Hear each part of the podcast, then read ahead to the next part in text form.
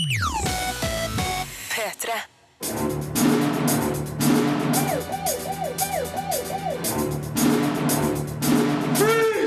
Filmpolitiet! What's your name, dude? Birger Vestmo. Kind of? Vrom Vrom og Ern Ern. Burning har kanskje et litt slapt manus, men er lekker og fartsfullt underholdning. Step Up All In byr på spektakulær dans i en nummende naiv historie. Og Still Life lar Eddie Marsan skinne i hovedrollen, sjøl om slutten ødelegger litt. Dommen over de her tre premierefilmene faller i dagens utgave av Filmpolitiet, der vi òg får rapport fra den store spillmessa Gamescom i Tyskland. Vi spår hvem som vinner de viktigste Amanda-prisene i Haugesund i morgen kveld. Og du skal få to hete Blu-ray-tips. Filmpolitiet. Filmpolitiet anmelder film. Jeg er ikke kommet hit for å preike, Roy. Herfra til Sinsen. Sinsen? Gardermoen, da. Trondheim. Nordkapp. Det lukter svidd av Norges første skikkelige bilfilm. Burning krysser av på de fleste av sjangerens sjekkpunkter. Det viser seg at den amerikanske bilfilmens stilistiske formgrep òg fungerer på smale norske veier. Historien er nok ikke den mest avanserte, men hva vil du ha da fra en film som markedsføres som The Fast and the Funniest? Du vil ha raske biler og morsomme figurer, noe regissør Halvard Brein viser seg fullt kapabel til å levere. Burning er lekker, fartsfylt og strømlinjeforma underholdning. Det er litt ugreit med den trekken i Madrahas Greiners. Bilgale Roy, spilt av Anders Baasmo Christiansen, blir utfordra av konkurrenten TT, spilt av Trond Halbo, til et løp fra Oppegård til Nordkapp. En rekke superbiler stiller til start, og Roy må ta med seg en uforutsett passasjer, nemlig hans 14 år gamle datter Nina, spilt av Ida Husøy. Forholdet mellom far og datter settes på prøve på vei nordover, samtidig som den svært ivrige politimannen Mork, spilt av Henrik Mestad, forsøker å stoppe hele løpet. Jeg ligger rett bak og kan foreta arrestasjon. Filmens manus er litt slapt. Det legger opp til flere konflikter, som knivingen med TT, og den betente stemninga mellom Nina og farens kjæreste Sylvia, spilt av Jenny Skavlan, men gjør lite med det utover i filmen. Derimot er det ingenting å si på det aller viktigste, nemlig bilkjøringa. Den imponerende bilparken er tøft filma av fotograf Askild Edvardsen. Motorlyden er òg beintøft miksa, mens klippinga i actionscenene virker organisk og fartsfremmende, uten å bli frenetisk. Det eneste som egentlig mangler, er de spektakulære krasjene som vi kjenner fra filmens amerikanske inspirasjonskilder. Jeg savner det likevel ikke så sårt, da Burning kan skilt med noen heftige stunts. De er nok skapt med CGI, men er svært godt utført.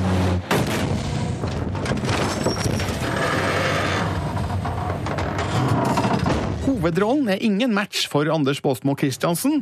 I kraft av å være en av Norges beste skuespillere makter han å gi Roy en viss grad av dybde i en rimelig grunn film. Og samspillet mellom han og herlige Ida Husøy gir Burning den menneskelige dynamikken som publikum trenger for å knytte bånd til figurene. Husøy står frem som ei tøff og interessant jente, fri for påsminka fjortisfakta. Filmens komiske elementer besørges effektivt av bl.a. Sven Nordin og Otto Jespersen som aldrende motormenn. Det Roy, hør her. Er det noe som er viktigere i livet, så er det jo å ha med seg unga sine på tur. Når er det får sjansen til å være med på noe sånt som dette her? her? Og se hele det flotte landet vårt på denne måten. Ja, og den farta. Ja, nemlig. Jeg stusser litt over geografien. Jeg og mange med meg er godt kjent på både E6 og rv. 3, og det er vanskelig å forstå at noen førere i løpet velger å kjøre Gudbrandsdalen i stedet for Østerdalen. Jeg skulle òg ønske flere holdepunkter på hvor bilene befinner seg, som rundkjøringa på Elverum og skiltet om verdens største spark på Tynset. Men flisespikking er en overreaksjon på en film som det her. Jeg digger Burning fordi den klamper gassen i bånn når det trengs, og har tid til å trå lett på bremsen innimellom. Det her er et enkelt, uforbeholdent og godt laga publikumsfrieri. Nå skal det smake meg svele.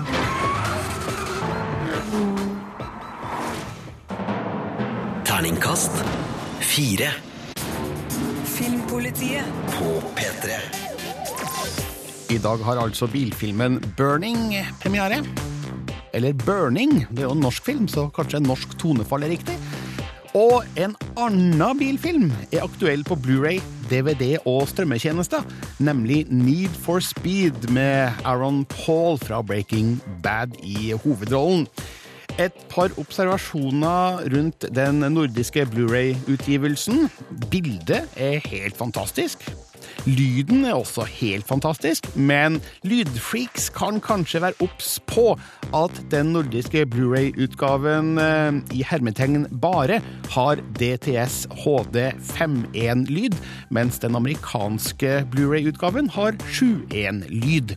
Så dersom det er viktig for deg, kanskje skal du gå for den amerikanske versjonen i stedet for. Også hvis du er veldig interessert i Blu-ray 3D, så gis ikke den ut i nordisk versjon, så da må du kjøpe den f.eks. fra England.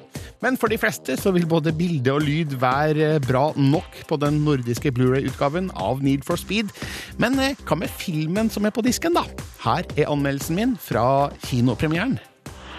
Filmpolitiet anmelder film. You think you're a better driver than me? Well, let's race. Jeg har spilt mange spill i Need for Speed-serien, men aldri følt behovet for en filmatisering. Når den nå likevel er her, er jeg fornøyd med resultatet. Regissør Scott Woe forsøker på ingen måte å revolusjonere bilfilmsjangeren, men filmen hans gjør det den skal. Vi får en potent blanding av fete biler, tøff kjøring og en tynn story, pakka inn i glansa bilder og kanonlyd. Og midt imellom de her elementene makter hovedrolleinnehaver Aaron Paul, kjent fra Breaking Bad, å skape en figur som er verdt å bry seg om. I spent two years thinking about one moment. Toby Marshall, spilt av Aaron Paul, mister en god venn i en ulykke under et ulovlig billøp. Krasjet forårsakes av konkurrenten Dino Brewster, spilt av Dominic Cooper, men Toby får skylda og må sone i fengsel. Når han slipper ut, er han fast bestemt på hevnvennens død ved å slå Dino i et hemmelig prestisjeløp arrangert av mystiske Monarch, spilt av Michael Keaton. Men da trenger han en fet bil og kom seg fra New York til California på rekordtid. Inn kommer Julia, spilt av Imogen Poots, og en Ford Mustang Shelby. I'm willing to give six million dollars to anyone who puts a stop to him. Mange kommer sikkert til å klage på at historien er tynn. Jo da, filmen er best når gasspedaler trampes i bånn og superbiler suser gjennom trafikken, ikke når det snakkes. Flere elementer i manuset kan plukkes i filla om man vil, men hvorfor skulle man det? Det er unødvendig. Realisme står ikke i fokus her. Historien i Need for Speed er det den trenger å være, verken mer eller mindre. Den legger grunnlaget for halsbrekkende kjøring i høy hastighet over USA, og det er det som gjelder. APB out for your arrest in 10 states. I'm never gonna stop. Men sjøl om bilkjøringa er viktigst, er det grunn til å berømme Aaron Paul for å gjøre en etter forholdene god figur. Han tilfører velkommen vekt til en i utgangspunktet florlett rolle, og gir figuren en emosjonell tyngde som gjør det engasjerende å følge hans vei mot eh, målet, bokstavelig talt. Imogen Poots spiller den søte dama som alltid er med i slike filmer. Hun blir riktignok tillagt et tradisjonelt kjønnsrollemønster, men får heldigvis anledning til å vise hva hun duger til seinere i filmen. Poots gir filmen et nødvendig smil, som en motsats til Pauls alvorstynga uttrykk. Need for Speed er en vellykka bilfilm med upåklagelig fartsfølelse, flere imponerende stunts og et lekkert utvalg av biler. Avslutningsløpet kjøres med superbiler fra Ferrari, Lamborghini, Königsegg, GTA, McLaren, Salin og Bugatti. Biler som er godt kjent fra spillserien, og som gjør meg nesten tårevåt. La gå at manuset er i enkleste laget. Jeg er faktisk ikke sikker på om Need for Speed ville ha blitt bedre med en dypere historie. Terningkast fire. P3. P3. I morgen er det klart for Amanda-prisutdeling i Haugesund, som er årets høydepunkt for den norske filmbransjen, og også for de som liker norsk film, og de blir det flere av etter hvert. Det ser ut til å gå mot et sterkt kinoår for eh, norske filmer i 2014. Men hvem stikker av med de viktigste prisene? Det er jo alltid morsomt å spå om, og mm, da skal jeg få hjelp fra en annen NRK-filmekspert, nemlig Vegard Larsen. Halloi! Halloi, halloi. Alltid hyggelig å spå Amanda med deg, Vegard. Det begynner jo å bli en uh, tradisjon, dette her. Dette har vi gjort før, og så skal vi ikke komme noe statistikk her og nå på hvor godt vi har truffet. Men det går jo an å, å, å tenke litt og synse litt. Absolutt. Men du er enig i at eh, Amanda er høydepunktet for norsk film i løpet av et år? Altså, det er jo eh, den eh, mest prestisjetunge filmprisen som deles ut. eh, Og oppsummerer på mange måter filmåret, til tross for at det gjøres i august. Da. Eh, Alle, de, de fleste andre filmpriser deles jo ut på starten av året for å liksom markere en begynnelse og en slutt, men i Norge så gjør vi det i august. Vi liker å gjøre det litt annerledes her hjemme i Norge. Men eh, la oss se litt på de viktigste kategoriene, og da sier vi unnskyld til dem som driver med scenografi og visuelle effekter og sånt, men vi tar de tradisjonelt største kategoriene her nå, og starter med beste mannlige skuespiller. Her er tre nominert. Pål Sverre Hagen for Kraftidioten. Samakab Omar for Natt til 17. og Aksel Hennie for Pioner. Hva tenker du her, Vegard? Så det er jo to eh, meget uh, anerkjente skuespillere her, eh, med Pål Sverre Hagen og Aksel Hennie. Uh, også ha en litt mer ukjent en, i Samakab Omar. Jeg holder en knapp på Aksel Hennie. Uh, syns han er den som gjør den eh, største skuespillerprestasjonen av disse tre. Ja. Du, er faktisk eh, enig med deg her. Pål Sverre Hagen er jo en dyktig skuespiller, som du sier, men er rollen i Kraftidioten egentlig en, en hovedrolle? Nei, det, jeg, jeg syns ikke den er det, og jeg syns den er, også er litt for trert. Uh, syns han Han er en morsom karakter der. Han er jo en, eh, en type gangster vi sjelden har sett i norsk film. Men eh, nei, jeg er litt enig med deg. Jeg syns ikke det er en hovedrolle. Nå heter jo kategorien riktignok beste mannlige skuespiller, ikke beste mannlige hovedrolle, men vi har jo da en tradisjon på å tenke at dette er en hovedrollekategori. I hvert fall når den andre kategorien heter beste mannlige birolle. Så sier det seg selv. Samakab Omar var et svært hyggelig bekjentskap i Natt til 17. En talentfull fyr vi forhåpentligvis får se mer av, men er litt usikker på da om det her er helt Amanda-kvalitet. Så også jeg har en eh, knapp på Aksel Hennie som jo gjorde en eh, sterk rolle, litt inspirert dessverre av eh, private forhold, og eh, en, en solid prestasjon i en solid film. Så vi har Aksel Hennie som favoritt i beste mannlige skuespiller, Amanda-kategorien. Det ble veldig langt ord, det, Vegard. Ja. Beste kvinnelige skuespiller, da. Også her tre nominerte. Ellen Dorrit Petersen for Blind. Amrita Asharia for Jeg er din, og Juliette Binoche eh, for Tusen ganger god natt. Ja. Binoche er jo en dreven skuespiller, da, og fetert og overdryssa med priser eh, fra før av, men har hun sjans her? Altså, Jeg syns dette er en svært vanskelig kategori. Jeg syns det er eh, tre damer som gjør eh, tre utsøkte rolletolkninger. Eh, Litt sånn sterkt tema i alle tre filmene. Jeg syns at det, det, er disse kvinnene som bærer filmene. Eh, Du nevner Binoche. Hun er jo, hun er jo en fremragende skuespiller. Og, eh, men Altså, Hvis ikke det blir henne, så banker mitt eh, hjerte her for Ellen Dorrit Petersen. Jeg syns at eh, rollen hun spiller blind kvinne på i Blind, er noe helt for seg selv. og jeg håper at hun vinner den kategorien. Merkelige greier, Vegard. Også her er vi skjønt enige. Jeg syns også at alle tre gjør flotte prestasjoner, men Ellen Dorrit Petersen i Blind hun har eh, kanskje litt større utfordringer i rollen enn eh, de andre har, og løser de på fortreffelig vis. Eh, må si at jeg også er veldig imponert da, over Amrita Sharias innsats i Jeg er din, fra å være eh, mest kjent som eh, en bitte liten birollefigur i Game of Thrones, til å virkelig skinne i en hovedrolle. Men eh, nei, jeg har da fremdeles Ellen Dorrit Petersen som en knapp favoritt her i beste kvinnelige skuespiller. Så er det hyggelig hvis Juliette Binoche kommer. Da er jeg faktisk ikke sikker på om hun skal være med i Haugesund i morgen. Det får vi nå se på. Får vi se på. Jeg, jeg tviler vel litt på at hun kommer. Ja, I hvert fall hvis hun ikke har fått forsikringa om å vinne. Sånn er det med de store stjernene. De drar ikke til et lite land for å motta en pris de kanskje ikke får.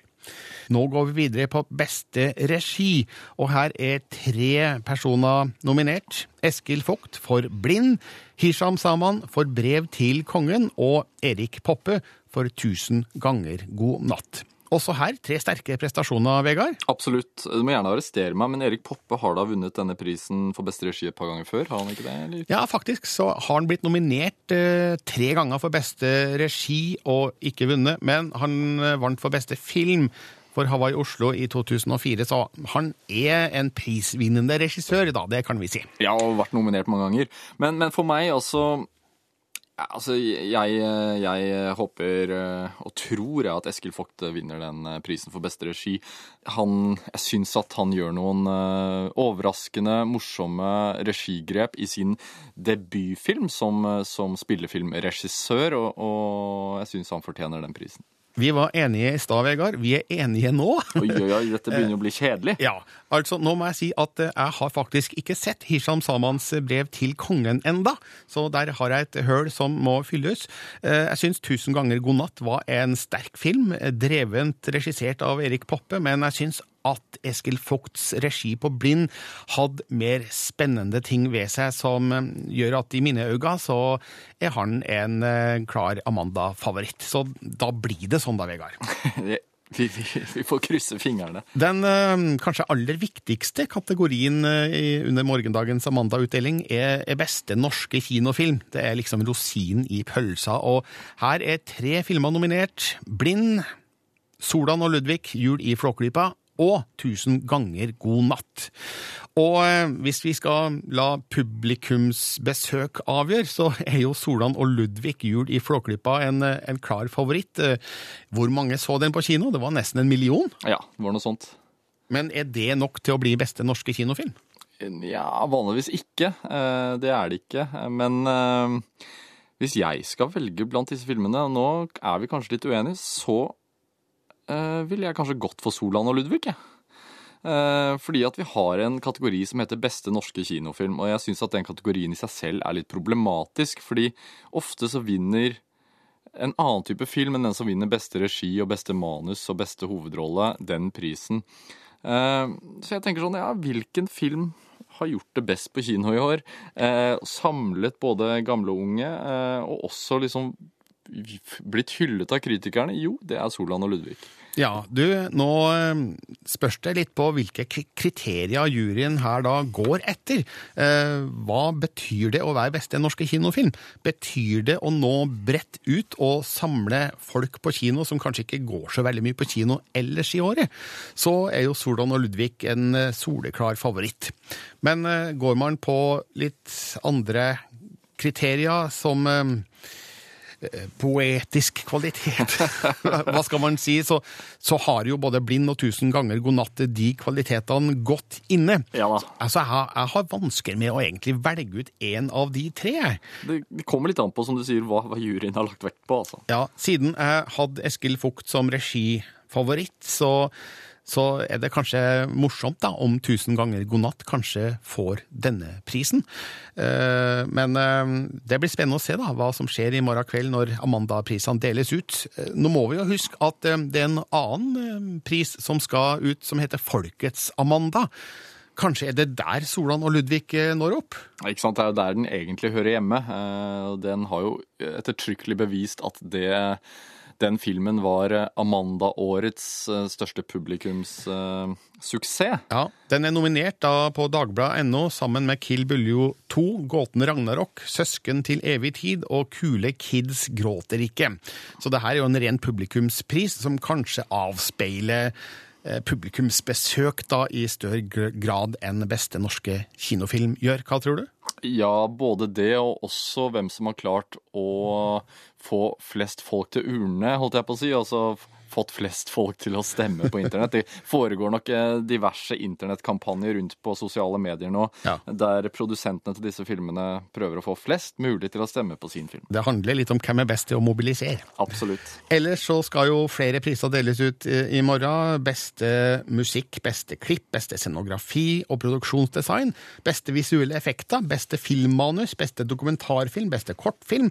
Beste kvinnelige birolle, beste mannlige birolle, beste barnefilm, beste foto, beste lyddesign og beste utenlandske film. Så der har du alle kategoriene, tror jeg, som skal deles ut eh, i morgen. Og eh, da vet vi i morgen kveld hvem som stikker av med Amanda-prisene. Nå har i hvert fall vi sagt vårt, så håper vi at det blir slik. Takk skal du ha, Vegard Larsen. Selv takk, jeg gleder meg. Filmpolitiet anmelder film. There's a magic that happens when you dance. Everything lines up. The world is in sync. And for one perfect moment, you feel totally alive. Den seigliva Step Up-serien har fått sin femte film, Step Up All In. Man kan jo ikke bli lei av spektakulær dans, men nå føler jeg at serien går på tomgang. Handlinga er omtrent nøyaktig den samme som i film nummer tre. Den er like fattig på god dialog, og skuespillerne er like dårlige til å fremføre den. Det kunne vært redda inn med ekstremt tøffe dansescener, men jeg føler at regissør Trish Sai ikke har samme filmatiske teft som f.eks. John Chu og Scott Spear hadde. Step Up All In er, med en liten margin, den svakeste så langt i serien. Filmen blander Miami-figurene fra forrige film, Step Up Revolution, med figurer fra Maryland-baserte Step Up 2 The Streets og New York-baserte Step Up 3D. Miami-gjengen The Mob gir opp å slå igjennom i Los Angeles, bortsett fra Sean, spilt av Ryan Gussman, som samler en ny gjeng for å vinne dansekonkurransen The Vortex i Las Vegas.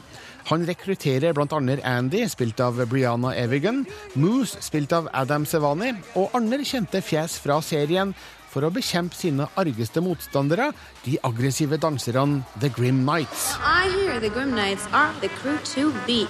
How do you feel about that? Step Up All In er best når det danses. Koreografien er spennende. Musikken, bl.a. fra Lil Wayne, Pitbull, BOB og NERD, er tøff. Aktørene er dyktigere som dansere enn som skuespillere. De er filma i 3D, som gir god dybdefølelse, men overdrives når hatter og glass fyker ut av filmruta.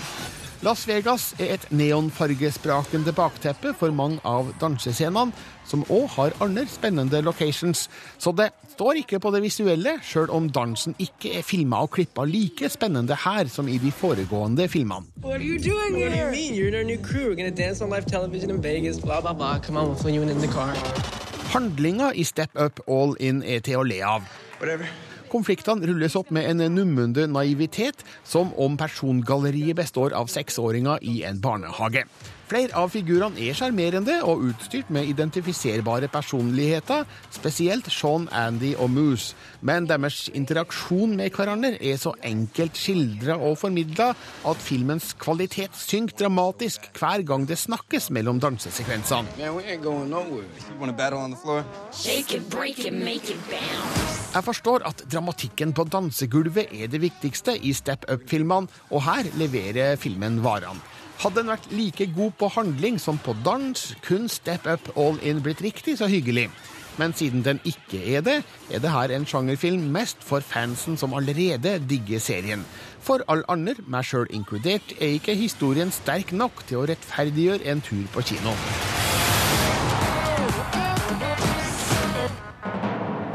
Terningkast tre. Den store spillmessa Gamescom har pågått i Köln hele denne uka, fortsetter ut i helga, og der har vår Rune Håkonsen vært til stede. Hallo, Rune. Hallo, Birger. Kan du forklare oss hva Gamescom egentlig er, for de som ikke er helt innvidd her? I starten av denne uka så møttes spillutviklere fra hele verden til en utviklermesse for å dele erfaringer og fortelle om sine arbeider. Men på onsdag så starta virkelig folkefesten. Og i løpet av de siste dagene så har flere titusentalls av mennesker vært innom dørene her i Köln for å se på hva Sony, Microsoft, Nintendo, EA og Ubisoft har å by på. Eh, har hentet fram sine eh, store spill og de store nyhetene for å tekke publikum. Og når eh, dørene stenger på søndag, så regner vi med at det har vært over 300 000 besøkende innom da på messeområdet. Ja, Hva er det kuleste du har fått med deg da i løpet av de dagene her på, på Gamescom?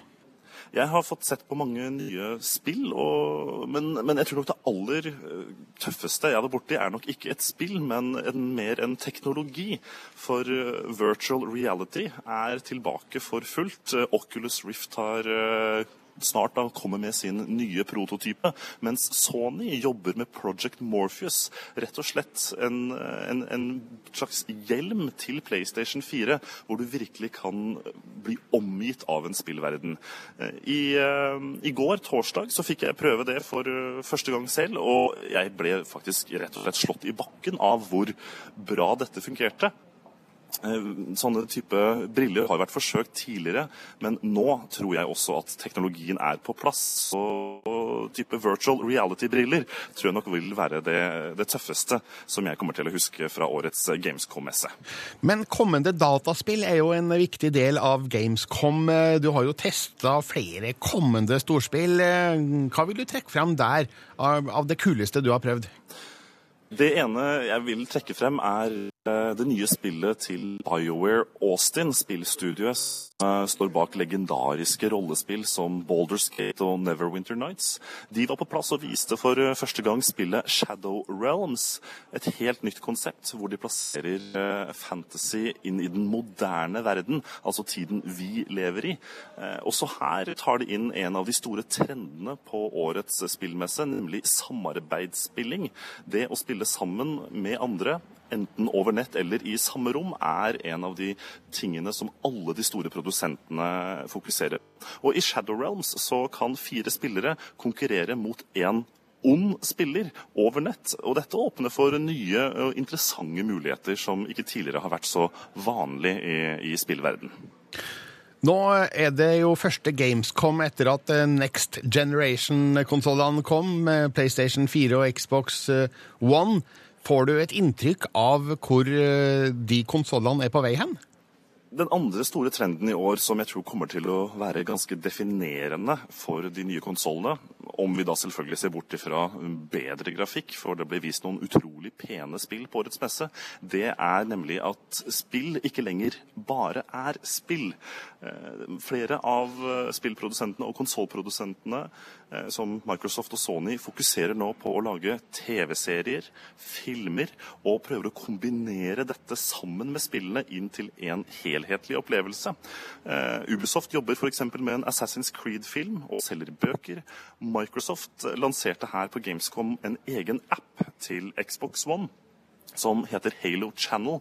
Og det er noe av det som jeg syns er veldig spennende. For i Halo Channel så kombineres alle Halo-spillene som har kommet så langt. Det kommende Halo 5 Guardians, en TV-serie, en ukentlig nyhetsoppdatering og i den andre store trenden så er det å kombinere alle disse forskjellige opplevelsene inn til én forbrukeropplevelse, én stor underholdningsopplevelse. Så jeg tror vi kan konkludere med at på Gamescom 2014 så er ikke spill lenger bare spill. Det er ganske mye mer. Og Rune, du har bl.a. møtt toppsjefen i, i Sony. Eh, Jim Ryan er rett og slett PlayStation-sjefen og styrer over mye av utviklingen for den spillkonsollen videre. Og når jeg satt meg ned med han, så tok jeg anledningen til å snakke litt om fremtiden til spillkonsoller, og ikke minst til PlayStation. Og På pressekonferansen til Sony denne uka så avslørte de at strømmetjenesten PlayStation Now, en slags Spotify for spill, er på vei til Europa i 2015. Og Da jeg snakka med PlayStation-sjefen, så måtte jeg spørre hvorfor vi egentlig trenger hjemmekonsoller, eh, hvis vi først bare kan strømme de til enten det er en iPhone eller til TV-en vi har hjemme. You know, imagine a world where we start off streaming PlayStation games to PlayStation devices. That's okay, that's quite cool. And then we start to be able to stream PlayStation games to other Sony devices like Bravia televisions or tablets. Or, but then imagine a world where we stream PlayStation content to non Sony, non PlayStation devices, and you have a potential universe of, of devices that people can go and, and enjoy PlayStation games on that is almost limitless. Um, now, this is a it's a very seductive vision, uh, and it'll it, it'll take a long time to implement, to, to to execute many complications, many barriers in the way. But if you imagine that end state, it's a very exciting one for for Sony. It's a very exciting one for people who make games, and it's a really exciting one for consumers, for gamers. Do you then also see Sony in the future as a content distributor more than a uh, also a console producer? Well, you, you, you, know, the we we see ourselves uh, obviously as a maker of great games, uh, but also we, we, we, view it more as a platform and, and providing a, a, a, platform, a means of distribution um, for people who, who make games, and we've we've been that for, for 20 years now. You, you know, facilitating. Uh, back it, back in the day, it was discs on PlayStation One and PlayStation Two, and now it's it's transitioning to a digital download model. But again, that's that's a, a facilitation, uh, giving a, people who make games a way to get them to consumers. Uh, and PlayStation Now is, is just another manifestation of that. With PlayStation Now, there seems to be a new way to distribute to, to different uh, platforms and devices. Uh, and people use devices all the time. How is this especially uh, since the iPhone launched. Yeah. How would you say that this changes uh, the reality for game developers and, and console producers like Sony? I, I think it's um, it's something that we're we're really excited about. You know, for, for for Sony, for the people who make games, for the people who play games, and one of the things that I think might turn out to be the case is that what PlayStation now potentially offers is the ability for people to get into the PlayStation experience without having to buy a console. And what I think might happen is that that could potentially attract a more casual breed of gamer, somebody who's interested in the sort of stuff that PlayStation has to offer, but doesn't want to spend 400 euros on a, on a PlayStation 4. So I think we, we could see that casual gamer coming to PlayStation, and I think for the people who make games, having uh, having games that appeal more readily to, to, to that casual gamer, you, you, know, games that are more accessible, easier to get into, you know, that could be something that's uh, very exciting for everybody. With PlayStation Now in the back of the head and the lifespan of the PlayStation 4 console, which is a considerable amount of years, will this be the last major home console from Sony? You know, I, I honestly don't know what the answer to that question is. Uh, we've just got going uh, with PlayStation 4. Um, we're not even a year into it. Um, we've announced a number of enhancements to it already. Uh, there's further stuff in the in, in, the in the works. We've cleared 10 million units in nine months. Uh, we got a lot of business to uh, to do on PlayStation 4 before we start thinking about anything that might come in the future. Det sa Jim Ryan, som er altså en av toppsjefene i Sony. Og Rune Håkonsen, blir du lei deg hvis eh, vi aldri får en PlayStation 5, men eh, strømmer spill i stedet for? Altså, Det er jo spennende med spillkonsoller, men eh, fremtiden tror jeg nok er digital. Så jeg stiller meg positiv foreløpig, men jeg håper nå fortsatt at vi får se noen nye konsoller før alt er helt over her, altså. Nå har vi jo vært inne på tidligere, Rune, at du har testa mange tøffe spill under Gamescom eh, i Tyskland, og ett av dem eh, er Assassin's Creed Unity. Du har møtt en av eh, skaperne bak? Ja, det har jeg. Eh, nå må du ikke bli for misunnelig, Birger, for at jeg har uh, lekt meg under den franske revolusjonen. For det er jo der uh, det nye Assassin's Creed-spillet er, er, satt. Um, men det som er interessant, er jo også å se hvor mye arbeid som går inn i å gjøre dette historisk korrekt. Og da jeg møtte spillregissør Alex Amancio, så måtte jeg spørre om hvor viktig denne historiske nær nærheten og, og, og korrektheten faktisk er. Very important because even even with the story, right? When we finished the screenplay uh, of the game, we we passed it along to two different historians to get feedback to see if we were respecting the the spirit and the accuracy of the French Revolution, and uh, it was. You know, they, they said that we were. So it, it, was very important. Assassin's Creed is all about revisiting history. It, you know, history is our playground. So uh, respecting history is key. This is also a very learning experience. How do you see games as a part of an educational tool as well in this larger perspective with historical accuracy? How, how do you see that? I think it's very important. I mean, if you can make a game that's entertaining and at the same time you're teaching people about stuff that's really important, in history, you know, it's, it's our heritage, right? It's, it's very important to preserve that. I mean, from since AC1, we've always had the, remember the database where you can go into the database and have information about events, monuments, and we tried to figure out, I really wanted to have a way to, to encourage people to read that. So we even have a new type of mission in Unity. Uh, they have to do with Nostradamus. Uh, it's these things he left written that you find, and it's sort of a treasure hunt across Paris. And the clues to, to answering these things are all found in the database. So it's another way to encourage people to read about this historical stuff. Do you see a, a future for games in, in education in schools? I think so because I mean humans we're all about uh, uh, you know challenges, trying to, to, to, to you know do better than we did yesterday. We're all about also the gamification of everything, right? So if we can find a way to uh, gamify education, I think that there's no lose situation to it, right? You're just encouraging children, especially children. Their minds are wired to play, right? So if you can find a way to make learning fun, of course it, it'll be much more effective. Der hørte du spillregissøren bak eh, Assassin's Creed Unity, Alex Amancio. Og, og han ser en lys fremtid for spill i skolen. Og en av målene til, eh, til Ubisoft er jo nettopp å gjøre Assassin's Creed Unity til en læreopplevelse vel så mye som en underholdningsopplevelse. Og jeg kan i hvert fall så langt si at det er mange gode detaljer og mye spennende å se på. Og jeg gleder meg til å prøve mer av Assassin's Creed Unity. Det gjør jeg og Rune Håkonsen. Du har altså vært på Gamescom i Tyskland hele denne uka, og eh, flere rapporter fins på p3.no Filmpolitiet. P3. Filmpolitiet anmelder film. Thank you, Father. See you soon, Mr. May. Love the music, Mr. May. Great choice. En av Englands mest karismatiske skuespillere, Eddie Marsan, får endelig skinn i en hovedrolle. Still Life er som konstruert for hans sørgmodige ansiktsuttrykk. Og Marsan gjør en fin rolle i en film som er mer velment enn vellykka.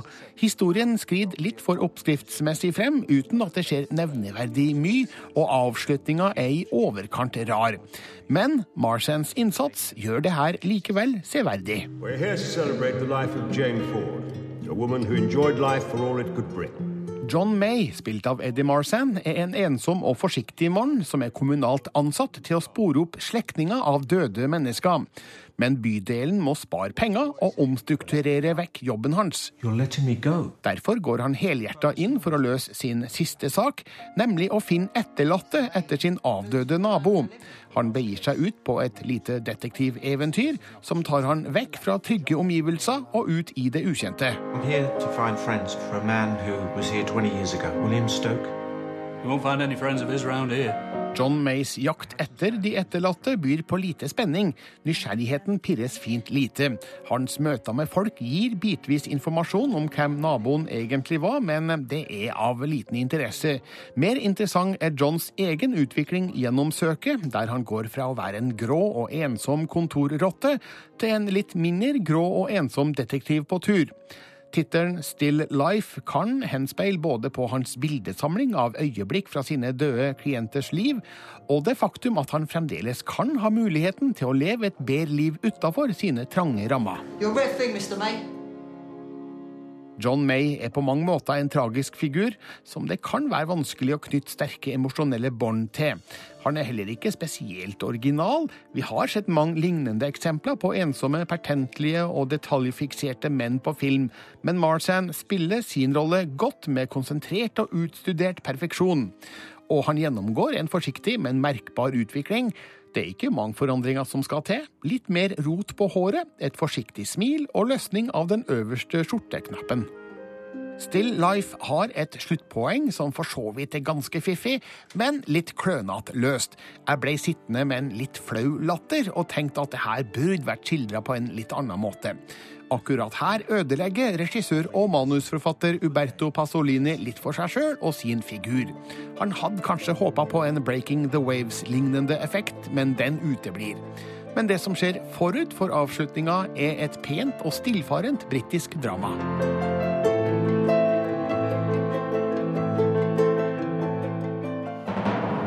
Terningkast fire. Filmpolitiet. På P3. Blant eh, denne ukas eh, utgivelser på Blu-ray og DVD finner vi Captain America, The Winter Soldier. Jeg har kikka litt på Blu-ray-utgaven. Fantastisk bilde og ikke minst lyd i 7.1-format. DTS HD MA71 for de spesielt innvidde. Kanskje ikke ekstremt mye ekstra stoff, men du får noen featurettes, noen små dokumentarsnutter, deleted scenes og et kommentarspor, blant annet. Men eh, du kan velge mellom vanlig 2D. Og du kan også kjøpe 3D-versjon i nordisk utgave hvis du ønsker det, så her eh, er variasjonen helt grei. Filmen, den er også god. Her er min anmeldelse fra kinopremieren. Filmpolitiet anmelder film. You do anything fun Saturday night? Well, all the guys in my barbershop quartet are dead, so. Den første Captain America var en frisk og annerledes superheltfilm med sin tegneserielignende og art deco-inspirerte førkrigsestetikk. Det mangler nødvendigvis i Captain America The Winter Soldier, siden handlinga nå foregår i vår egen tid. Men filmen imponerer med en saftig historie, krydra med nok skyting, slåssing og spektakulære bilder til å tilfredsstille enhver actionjunkie. Det her er en effektorgie som til og med trekker paralleller til den virkelige verdens internasjonale overvåkningspolitikk. Captain, to build a better world sometimes means tearing the old one down. Chris Evans spiller Steve Rogers, kjent som Captain America, som fremdeles forsøker å tilpasse seg den uvante nåtida etter flere tiår i nedfrosset tilstand. Når Shield-sjefen Nick Fury, spilt av Samuel L. Jackson, oppdager at hele organisasjonen trues fra innsida, må Captain America og Black Widow, spilt av Scarlett Johansson, kjempe mot både nye og gamle bekjentskaper for å finne sannheten. Det skjer ting i filmen som ikke skal avsløres, men som legger forholdene til rette for et forholdsvis avgjørende klimaks. Med så mye på spill kan man gjerne lure på hvorfor ikke Iron Man, Hulken, Hawkeye og Thor kalles inn, men Captain America og Black Widow er slett ikke uten slagkraft. De kjemper seg igjennom den mest slåssete Marvel-filmen så langt, noe som har gitt en 15 års aldersgrense. Det her er velkoreografert og hardtslående, og det spøkes da òg med at Steve Rogers kun forsøkte seg innen Ultimate Fighting hvis han skulle legge skjoldet på hylla. This isn't freedom.